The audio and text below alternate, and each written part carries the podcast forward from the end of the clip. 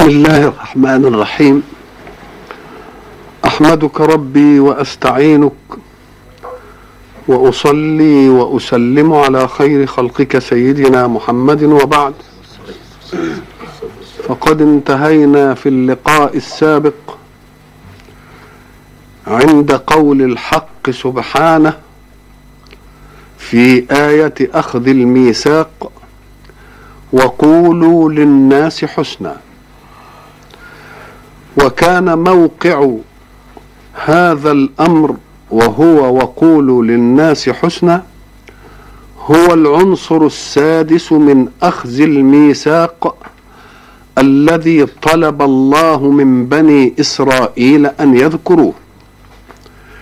فقد قال سبحانه أعوذ بالله من الشيطان الرجيم وإذ أخذنا ميثاق بني إسرائيل لا تعبدون إلا الله وبالوالدين إحسانا وذي القربى واليتامى والمساكين وقولوا للناس حسنا وقلنا إن الحق سبحانه وتعالى حينما عرض علينا هذا الميثاق الذي أخذه الله على بني إسرائيل يريد أن ينبه المعاصرين لرسالته صلى الله عليه وسلم أن الدين الذي جاء به محمد صلى الله عليه وسلم لم يفجأهم بجديد في مناهج التكليف السماوي لآل الأرض.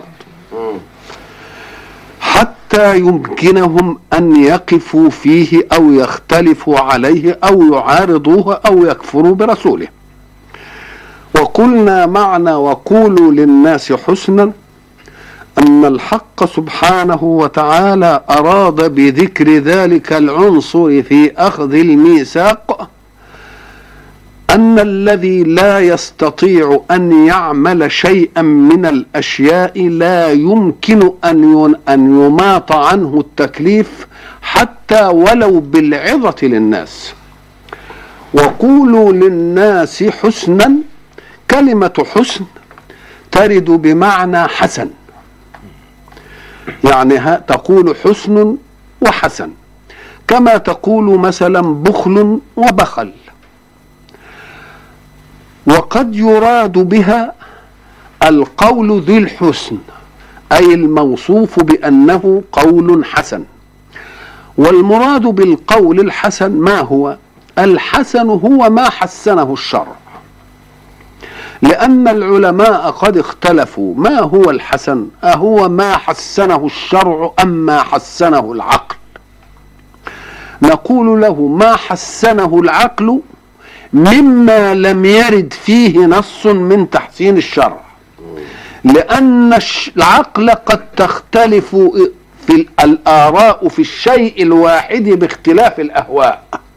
ولذلك الذي يفسد الآراء دائما الهوى. وإلا فلو لم يكن هوى لحكمنا العقل في كل شيء إلا أن الهوى يفسد حكم العقل. ولذلك تجد معقولا عند واحد ولا تجده معقولا عند عند آخر. اذا فما الذي يرجعنا جميعا إلى حسن مجمع عليه؟ هو الشر. لأن المشرع لا هوى له إلا في مصلحة من شرع له. يبقى قولوا للناس حسنا. من هم الناس الذين نقول لهم الحسن؟ أهم المساوون لك في الإيمان؟ ويكون قول القول الحسن فيهم أن تأمرهم بالمعروف وأن تنهاهم عن المنكر. وأن يكون قولك أمرك بالمعروف ونهيك عن المنكر بالحكمة والموعظة الحسنة. وإذا كان غير مسلم يعني ليست له أخوة إيمانية. يكون القول ذي الحسن أو القول الحسن ما هو؟ أن تجادل بالتي هي أحسن. لماذا؟ حتى لا تجمع على المنصوح أو الموعوظ مرارتين. مرارة أن تخرجه عما اعتاد وألف ومرارة أن تخاطبه بما يكره. يبقى إذا وقولوا للناس إيه؟ حسنى فإن كانت لك أخوة في الإيمان يبقى أحسن الحسن أن تأمره بالمعروف وأن تنهاه عن المنكر. وإن كان غير أخوة الإيمان نقول نجادله في الأمر بالتي هي أحسن اللي هي وضع الحق منهاجها في قوله ادع إلى سبيل ربك بالحكمة والموعظة الحسنة وجادلهم بالتي هي أحسن. يبقى هذا هو قول الإيه؟ هو قول الحسن. ثم انتقل الحق سبحانه وتعالى إلى العنصر السابع في أخذ الميثاق وأقيموا الصلاة. أقيموا الصلاة تكلمنا عنها طويلا ومعنى إقامتها أي أدوها على الوجه الذي يجعلها مقبولة عند الله. تقويم الأمر معناه إخراجه على الهيئة التي تؤدي منه الغاية المطلوبة منه.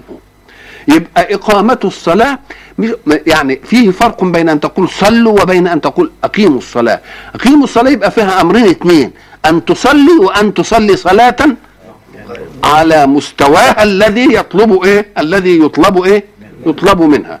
وقلنا إن إقامة الصلاة هي دي الركن الإسلامي الذي لا يتخلى أبدا عن الإنسان المؤمن بالله. وقلنا إن الشهادة بأن لا إله إلا الله وأن محمدا رسول الله يكفي أن تقولها في العمر مرة واحدة. مرة. والصيام من ال... انت تصوم في ال... في السنة شهرا وقد تكون مريضا فلا تصوم. وقد تكون مسافرا فيسقط عنك الصوم إلى أن ان تقضي وقد تكون فقيرا فلا تزكي. وقد تكون غير قادر على الحج فلا تحج. يبقى هناك كما قلنا فارق بين أركان الإسلام وأركان المسلم. أركان الإسلام هي الخمسة. إنما فيها أشياء لازمة وهي شهادة أن لا إله إلا الله ويكفي أن تقال في العمر مرة. والزكاة قد تسقط لأني فقير والحج يسقط لأني غير مستطيع والصوم قد يسقط لأني آه، مريض إنما ما الذي لا يسقط أبدا هو الصلاة لا لا تسقط أبدا وتتكرر كما قلنا في اليوم خمس مرات.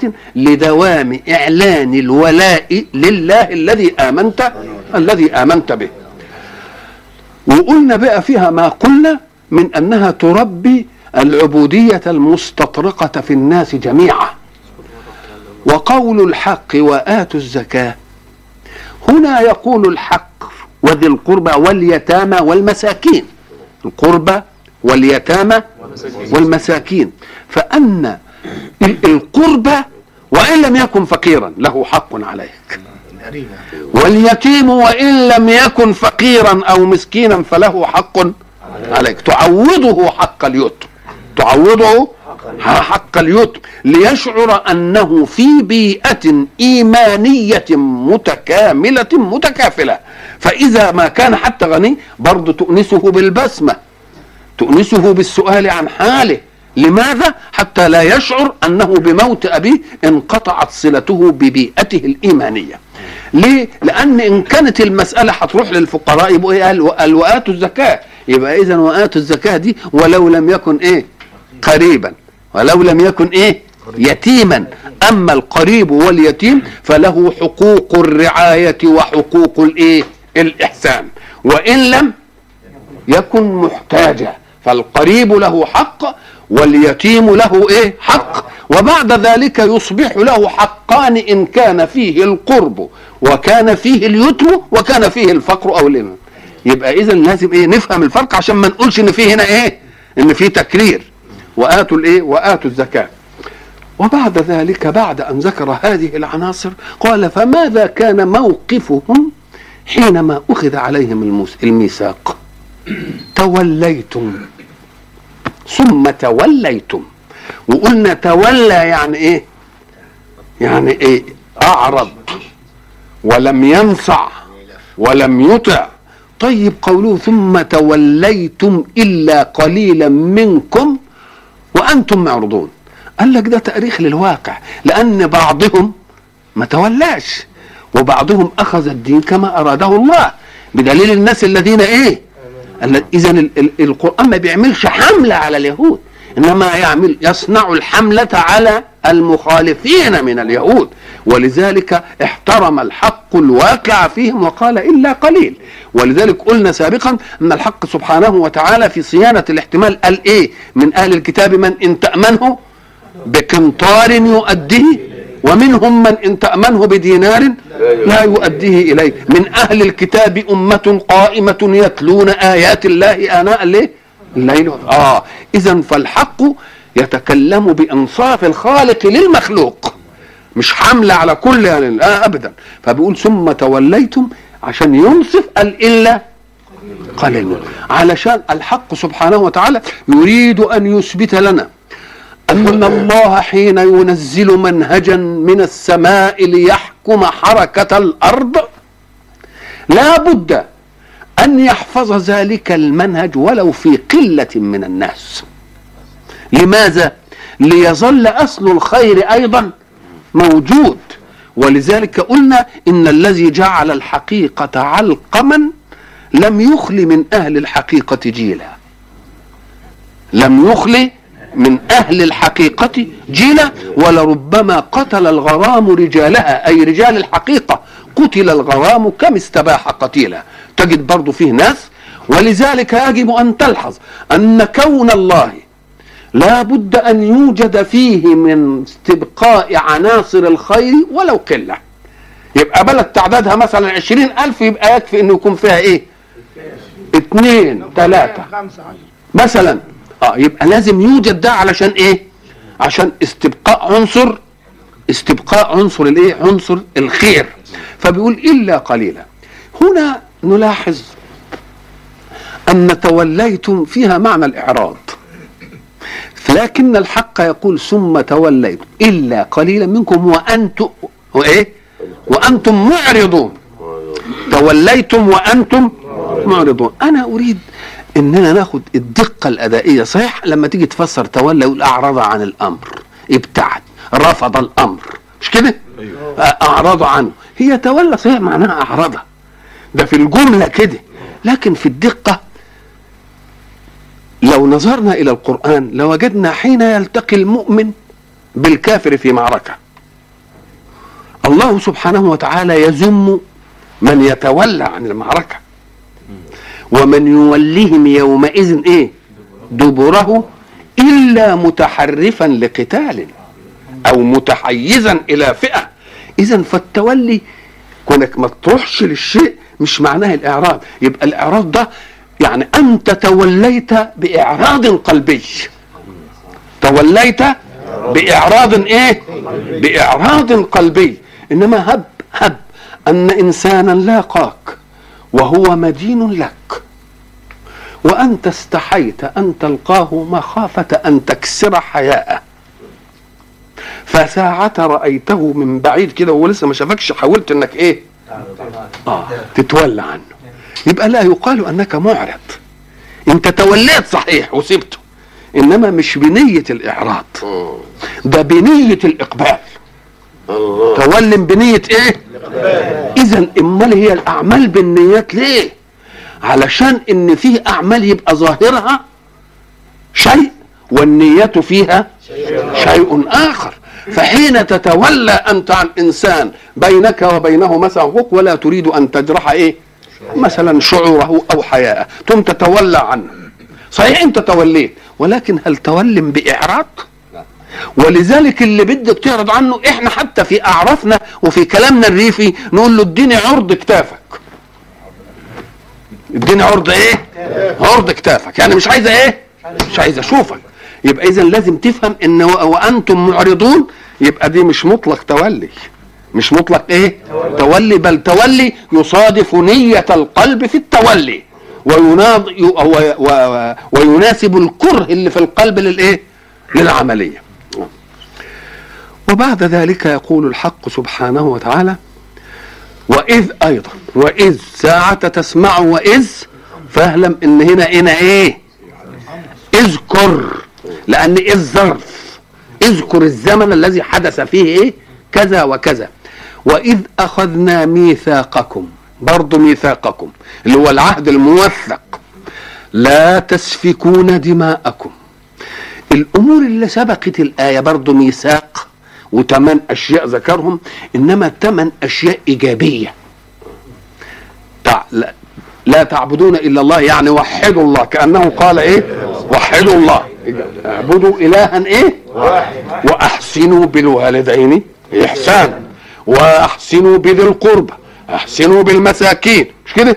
واليتامى مش كده؟ قولوا للناس حسنا أقيموا الصلاة. كلها أوامر ولا لأ؟ نعم.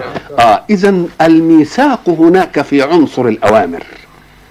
الميثاق هنا في عنصر النواهي.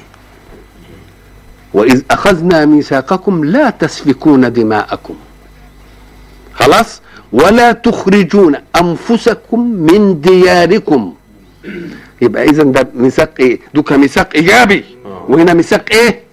سلبي نهي طيب نشوف الأمرين هنا الاثنين ما هو الميثاق هنا السلبي هنا؟ لا تسفكون دماءكم. اذكروا جيدا أننا قلنا أنه إذا حصل مقابلة جمع بجمع تبقى تقتضي الإيه؟ القسمه آحاد. قسمه إيه؟ لا تسفكون دي, دي جماعة دماءكم ودي جمع دم ولا لأ؟ آه. يبقى إيه؟ هل معناها لا يسفك كل واحد منكم دمه؟ زي ما قلنا اركبوا دوابكم ليركب كل واحد منكم إيه؟ دابته لا تسفكون دماءكم. يبقى لا يسفك كل واحد منكم دمه؟ وهل يسفك الإنسان دمه؟ آه. يبقى إذا معنى لا تسفكون دماءكم لا يسفك بعضكم دم بعض. وليه قال دماءكم ونسبها؟ أم قال لك يا أخي لأن اللي بعدها الجملة اللي بعدها هتديني العلة. قال إيه؟ ولا تخرجون أنفسكم من دياركم. ساعة يأتي الحكم الإيماني. الحكم الإيماني إنما يخاطب الجماعة الإيمانية على أنها وحدة. على أنها وحدة. ولذلك يقول الرسول صلى الله عليه وسلم مثل المؤمنين في إيه؟ تراحمهم وتعاطفهم وتوادهم. إيه؟ كمثل الجسد الواحد. إذا اشتكى منه عضو تداعى له سائر الجسد بالسهر. يبقى عملهم إيه؟ واحدة واحدة. فكأنني إن اعتديت على واحد فكأنني أعتدي على مين؟ على نفسي. ولذلك لا تنابزوا بالألقاب. مش لا لما يجي نقول لا تنابزوا بالإيه؟ بالألقاب. يقول لا تنابزوا بالألقاب. أنا ما فيش واحد منا ينبذ الثاني بإيه؟ بلقبه. طيب ولما يجي يقول فسلموا على أنفسكم. إذا دخلتم بيوتا فسلموا على أنفسكم. طب ده أنا اللي داخل. أنا اللي إيه؟ داخل. أبقى أسلم على نفسي إزاي؟ فكأنه جعل الأمة الإسلامية وحدة. الله. الأمة الإسلامية واحدة واحدة آه. وبعد ذلك إيه؟ آه، ما دامت الأمة الإسلامية واحدة يبقى برضو لما يقول لي لا تقتلوا نفوسكم يبقى إيه؟ يبقى صح ولا لا؟ يبقى صح. أو معنى أنه يريد أن من قتل سيقتل قصاصا فكأنه بقتله للغير يقتل نفسه. يبقى تيجي المعنى برضو ولا لأ؟ يجي الإيه؟ يجي المعنى تمام. طيب الحق سبحانه بيقول لا تسفكون إيه؟ السفك معناه إيه؟ صب الدم. آه، ودماءكم اللي هو السائل الإيه؟ سائل الحياة. مش كده هو؟ آه. لا تسفكون إيه دماءكم ولا تخرجون أنفسكم من دياركم. تخرجون أنفسكم من دياركم يعني إيه معناه؟ إيه يعني تخرجون أنفسكم من دياركم؟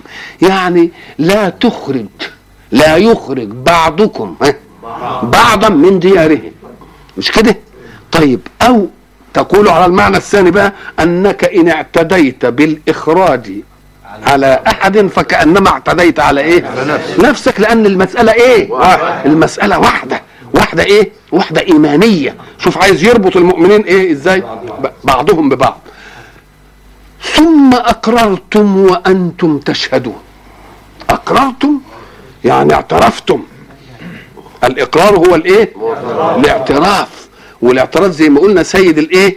سيد الأ- سيد الأدلة. وأنتم تشهدون يعني إيه؟ الشهادة معنى الشهادة إيه؟ التعريف أو الإخبار بشيء كأنه مشاهد. هو القاضي لما يجي يحكم بشهادة الشهود ليه بيحكم بشهادة الشهود؟ لأنهم أخبروا وهم عدول بأخبار كأنه يشاهد الحادثة. فلان اللي عمل كذا. يبقى اذا الشهادة معناها إيه؟ معناها أن تخبر بشيء وتعرف به كأنه صار إيه؟ صار مشهودا وصار صار واقعا. ولذلك لما يجي واحد يزور في الشهادة بيقول غير اللي واقع ولا لأ؟ نعم. آه بيقول غير ال... بيجعل غير الواقع إيه؟ غير الواقع واقع. ثم أقررتم وأنتم إقرارهم ده يجي في إيه؟ قال لك الحق سبحانه وتعالى يخاطب المعاصرين لرسول الله. فيذكرهم بما كان من؟ من آبائهم الأولين. وموقفهم من موسى وموقفهم من أخذ الميثاق. وبده يقول لك إن دي مسألة معروفة عندهم. مسألة معروفة عندهم. مش مش مش ليس مما نسي. جاب لهم الحاجات اللي إيه؟ اللي هم عارفينها.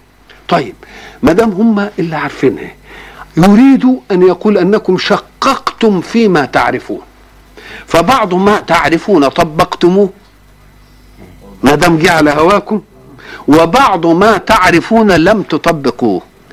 ولذلك هيجي في الآية يقول أفتؤمنون ببعض الكتاب وتكفرون ببعض؟ آه.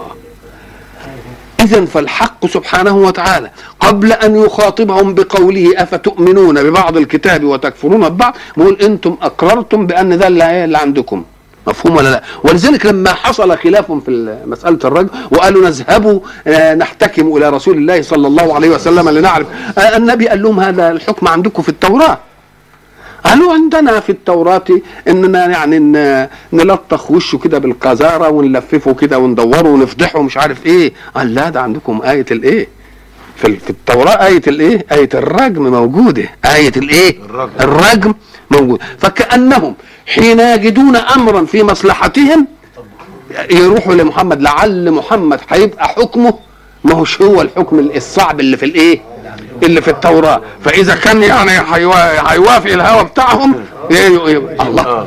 يبقى اذا الحق سبحانه وتعالى بيقول إيه؟ ثم أنتم هؤلاء. ثم أنتم يعني بعد المواثيق مواثيق الإيجاب في الآية الأولى ومواثيق السلب في الآية الإيه؟ في الآية الثانية. ثم أنتم يا هؤلاء. شوف إزاي؟ تقتلون أنفسكم. تقتلون أنفسكم. طيب هناك بيقول لا تسفكون إيه؟ دماءكم. وهنا قال تقتلون أنفسكم. تفسرها زي ما قلنا. تقتلون أنفسكم بمعنى أن المؤمنين بإيمان واحد وحده. فمن قتل فكأنما قتل إيه؟ فمن ق- أو لأنه إذا قتل إيه؟ سيقتل يبقى كأنه هو اللي قتل إيه؟ اللي قتل اللي قتل نفسه.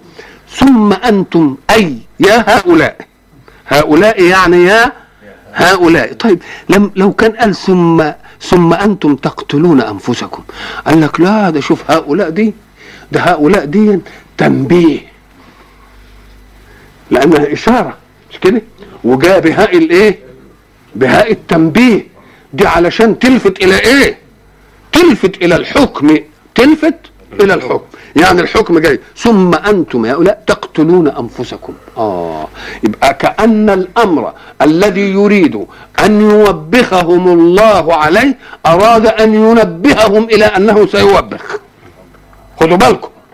ثم أنتم يا هؤلاء تقتلون أنفسكم مع أننا أخذنا الميثاق عليكم الا إيه لا تسفكوا دماءكم. تقتلون أنفسكم وتخرجون فريقا منكم من ديارهم وهو قال إيه ولا تخرجون أنفسكم من دي إيه من دياركم. يبقى إذا جايب النقائض اللي للميثاق هو الميثاق الثاني.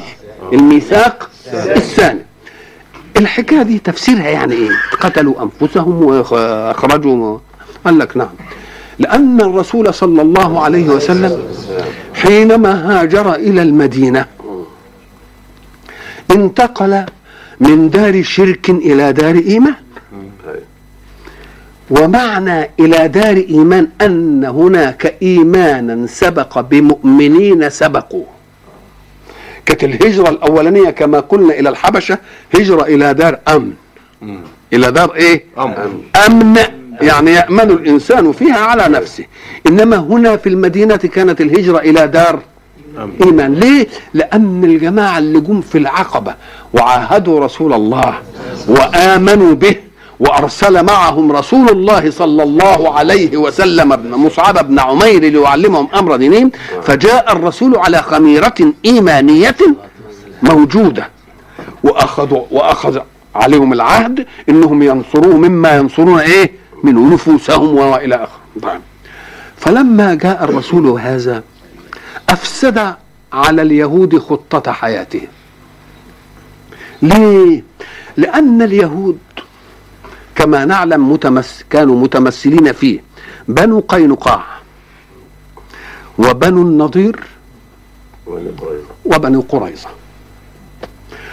و و ومن من الجنس الآخر المشرك اللي مش أهل كتاب كان الخزرج والأوس. ما بين الأوس والخزرج عداوة وحروب دائمة. من الذي يؤرس هذه المسألة؟ اليهود. ولكن اليهود قسموا أنفسهم. دخل قوم مع الأوس وقوم من اليهود مع الخزرج ليه؟ علشان يضمنوا. آه. يبقى توزيع أنفسهم على المعسكرات ليضمنوا الحماية إذا غلب أي معسكر وده طبعهم إلى الآن ولا لا؟ ولذلك تجدهم دايما في الشيوعيين تجد اللي عامل الشيوعية يهود. رأسمالية اللي عامل الرأسمالية إيه؟ يهود. كل ها؟ الله. إذا معنى ذلك أنهم إيه؟ أنهم يحتوون الحركات. ومعنى احتواء الحركات الضمان بالفوز دائما. نعم. ضمان بالإيه؟ بالفوز دائما. فكان بنو النضير وبنو قينقاع مع الخزرج وبنو قريظة مع الأوس. فإذا ما اشتبكت الأوس والخزرج كان مع هؤلاء حلفاؤهم مع اليهود من اليهود ومع هؤلاء حلفاؤهم من اليهود. هب أن المعركة انتهت. ماذا يكون الموقف؟ إيه اللي هيحصل يقوموا يجوا المأسور من اليهود. يروحوا اليهود من الفريق الثاني يساعدوا في فك أسره. المنتصر ده. أوه. مع أنه كان ممن كان سببا في أسره. آه. لأنه كان مع الفريق. هب أن الاوس انتصرت. آه. والخزرج غلبت. ومع الأوس حلفائها من اليهود ومع الخزرج. حلفاء مع اليهود. وبعد ذلك الأوس انتصرت وأخذوا من الخزرج أسرى. وأخذوا منه من أسرى من حلفائهم اللي هم من اليهود. يوم يأتي اليهود كلهم ويتجمعوا ويعملوا إيه؟ آه. يحكوهم. لأن عندهم نص إذا وجدت بني واحدا من بني إسرائيل مملوكا فلا بد أن تفكه لا بد أن إيه؟ أن تفك. الله. يبقى اذا ال ال ال ال وإن هيجي بقى يقول إيه؟ وإن يأتوكم اسارى تفادوهم. أنتوا خرجتوهم وأنتم اللي سببتم في إنهم إيه؟ يتأسروا وإنهم ينهزموا. ومرة تخرجونهم من ديارهم وأنتم تبقوا شركة. وبعد ذلك ماذا تصنعون؟ تروحوا أنتوا اللي إيه؟ تفدون ليه؟ قال لك اذا أفتؤمنون ببعض الكتاب وتكفرون ببعض؟ يبقى ده دليل على إنكم ما بتعملوش الأعمال على أنها كتاب أو غير كتاب. الأعمال اللي تيجي فيها مصلحتكم بتعملوها. وإلا فلو كان الأمر أمر كتاب لكان الحكم حكما واحدا لا إيه؟ لا يتغير. فيقول لهم إيه؟ ثم أنتم هؤلاء يعني بعد أخذ الميثاق عليكم بأن لا تسفكوا دماءكم ولا تخرجوهم من ديارهم. أنتم بتعملوا إيه؟ بتسفكوا الإيه؟ الدماء مش كده؟ وبتخرجوهم من ديارهم حسب ما يكون حليفكم. آه. وبعد ذلك لما تنتبع الحرب أو زرع يبتدوا يعملوا إيه؟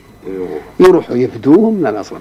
ثم أنتم يا هؤلاء تقتلون أنفسكم وتخرجون فريقا منكم من ديارهم لأنهم هم شركاء كده؟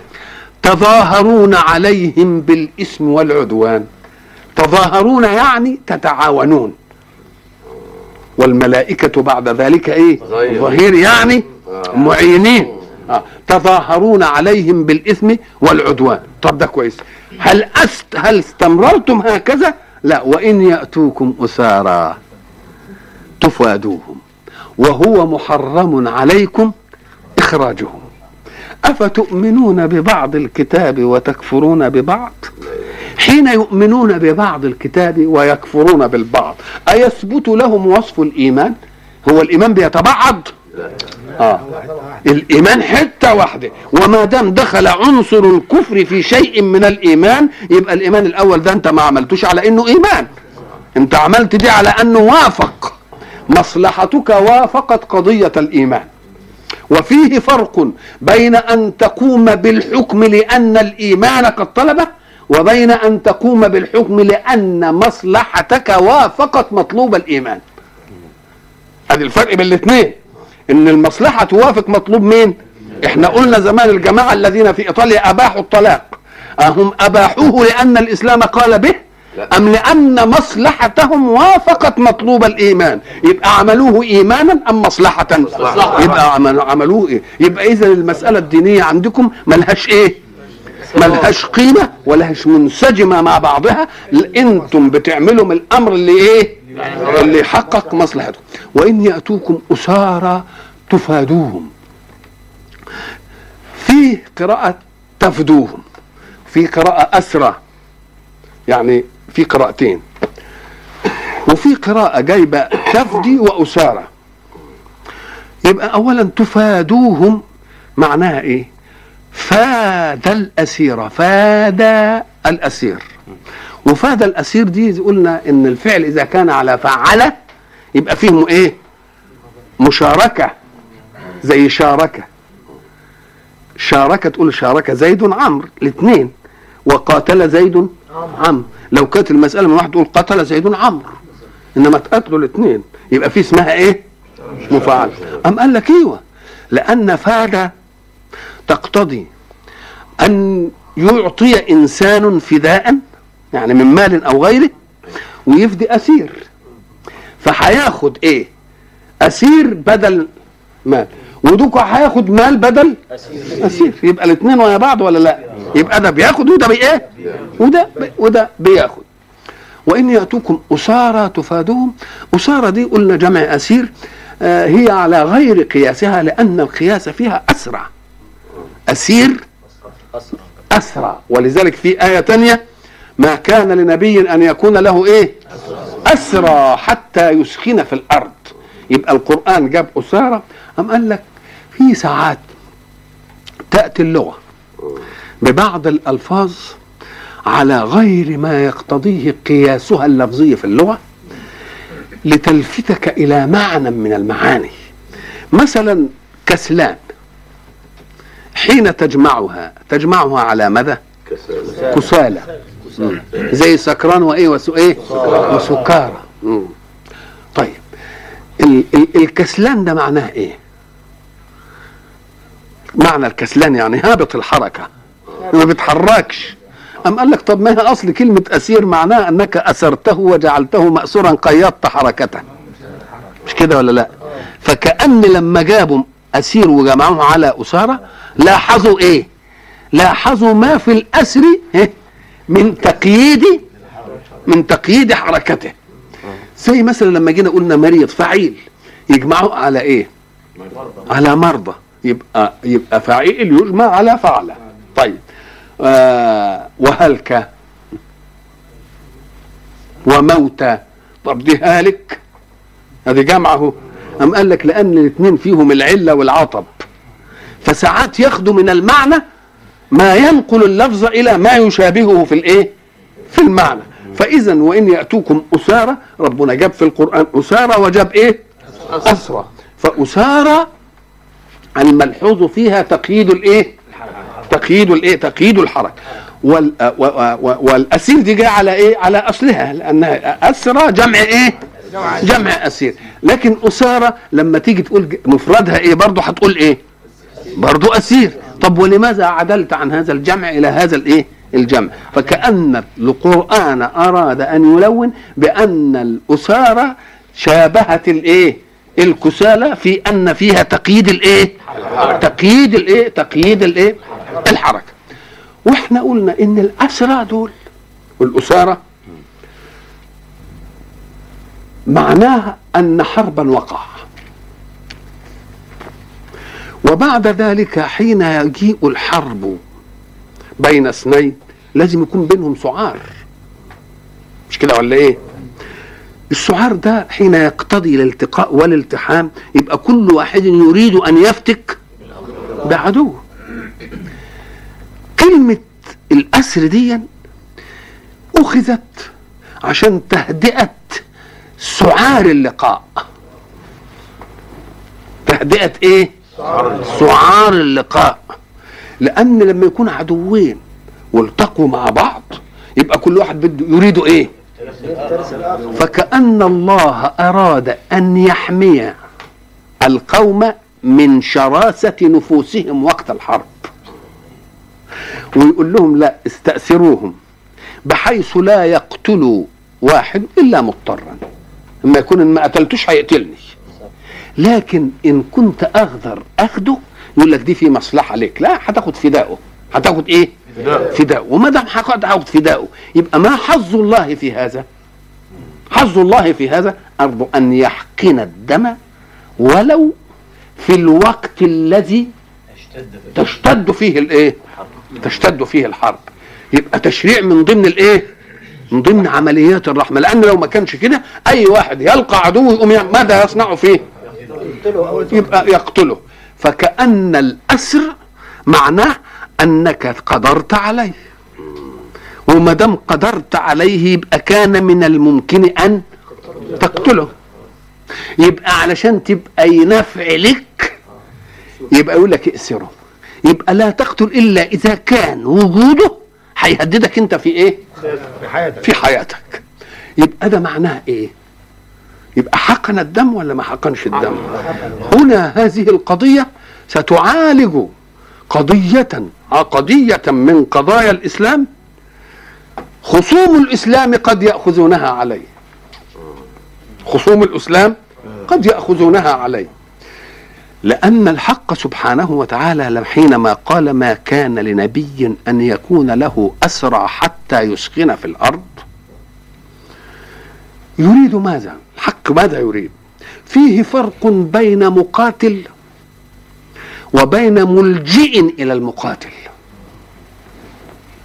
مقاتل وملجئ. المقاتل الغلبان اللي مضطر ومأمور ده ولذلك في التعبير الحديث يقول لك ده فلان مش محارب بس لا. ده مجرم حرب. شوف الفرق. ده محارب وده إيه؟ مجرم حرب.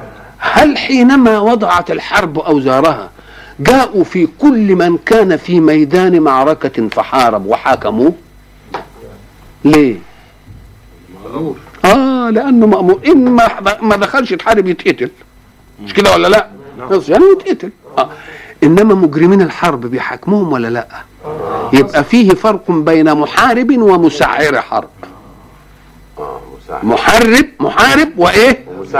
ومسعر. الحق سبحانه وتعالى يقول الرسول إن صناديد قريش هم الذين ألبوا عليك هذا وجم في بدر وعملوا كذا وعملوا كذا ما كان يصح أن تعاملهم معاملة المحاربين فتأسرهم الله. ده دول مجرمين حرب. الله الله الله الله. كان يجب إنهم إيه؟ يقتلوا. كان يجب لأنهم هم الذين حملوا الناس على الحرب وهم الذين أرسوا هذه الحرب. وهم الذين فعلوا وفعلوا. يبقى كان يجب أن نفرق بين محارب وبين مجرم حرب. مساعر إيه حرب؟ يبقى عتب الله على نبيه عليه السلام. إنه بيقول له إن دول ما كن ما تعملهمش معاملة الإيه؟ لأن المأسور بتقول أنا بدي أكتفي شره وعشان ما ي... وخلاص هو انتهي المسألة فأخده استاثره قال لك لا ده دول مش كده. ده دول هم اللي هو ده دول هم اللي عم قومين هيبقى إذا هناك فارق بين إيه؟ مكرمة ومساعد. ال- المحارب فقط بنستأثره. ده كلام حين نستأثره يصير ماذا؟ بنسميه أسير. آه. زي ما هو موجود أيوة. الأسير. الأسير ده الحق سبحانه وتعالى شرع له إما منا بعد وإما فداء. إما إيه؟ من منا بعد وإما إيه؟ منا يعني إيه؟ أن تمن عليه بأن تطلق سراحه بدون إيه؟ مقابل. أو فداء يعني تاخد إيه؟ تاخد الفدية الفدية بتاعته. آه. اذا فهذه الآية لا. لا يتهم الإسلام فيها بأنه شرع الأسر ولا الرق. لأن اللي عندنا فإما منا بعده وإما إيه؟ وإما فداء طب إيه كلمة بعده دي؟ فاما منا بعده وإما فداء ما دام كلمة بعده دي يبقى لازم هيقتضي في فترة يبقى إيه؟ يبقى مأسور فيه. وبعد ذلك نعمل إيه؟ يا نطلق سر... آه طب وليه بعده ما قالش في ساعتها ليه؟ قال لك لا. لأن هذه المسألة لي أيضا أبناء قد يقعون في أسر خصومه.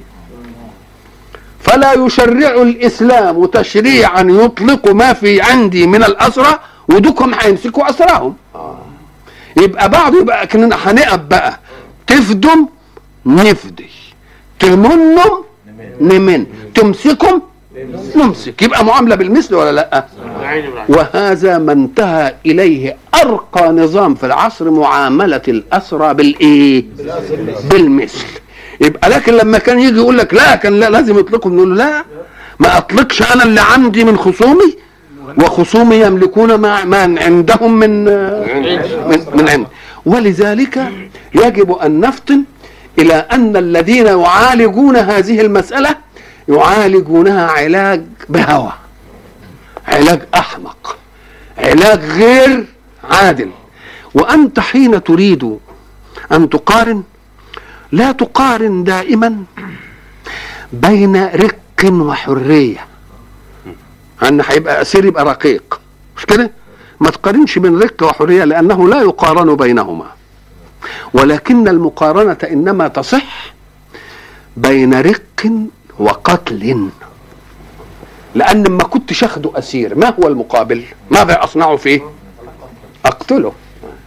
يبقى اذا المسألة المقابل للرق الحرية ولا القتل مم. فكأن إباحة استرقاقه وإباحة إنه يكون أسير دي يبقى حقن لدمه ولا لا؟ يبقى حقن يبقى حين تقارن لا تقارن أيها الأحمق بين رق وحرية ما حدش يقارن المقارنة دي وإنما قارن بين إيه؟ رق وقتل لو قارنت بين رق وقتل يبقى أيهما أحسن؟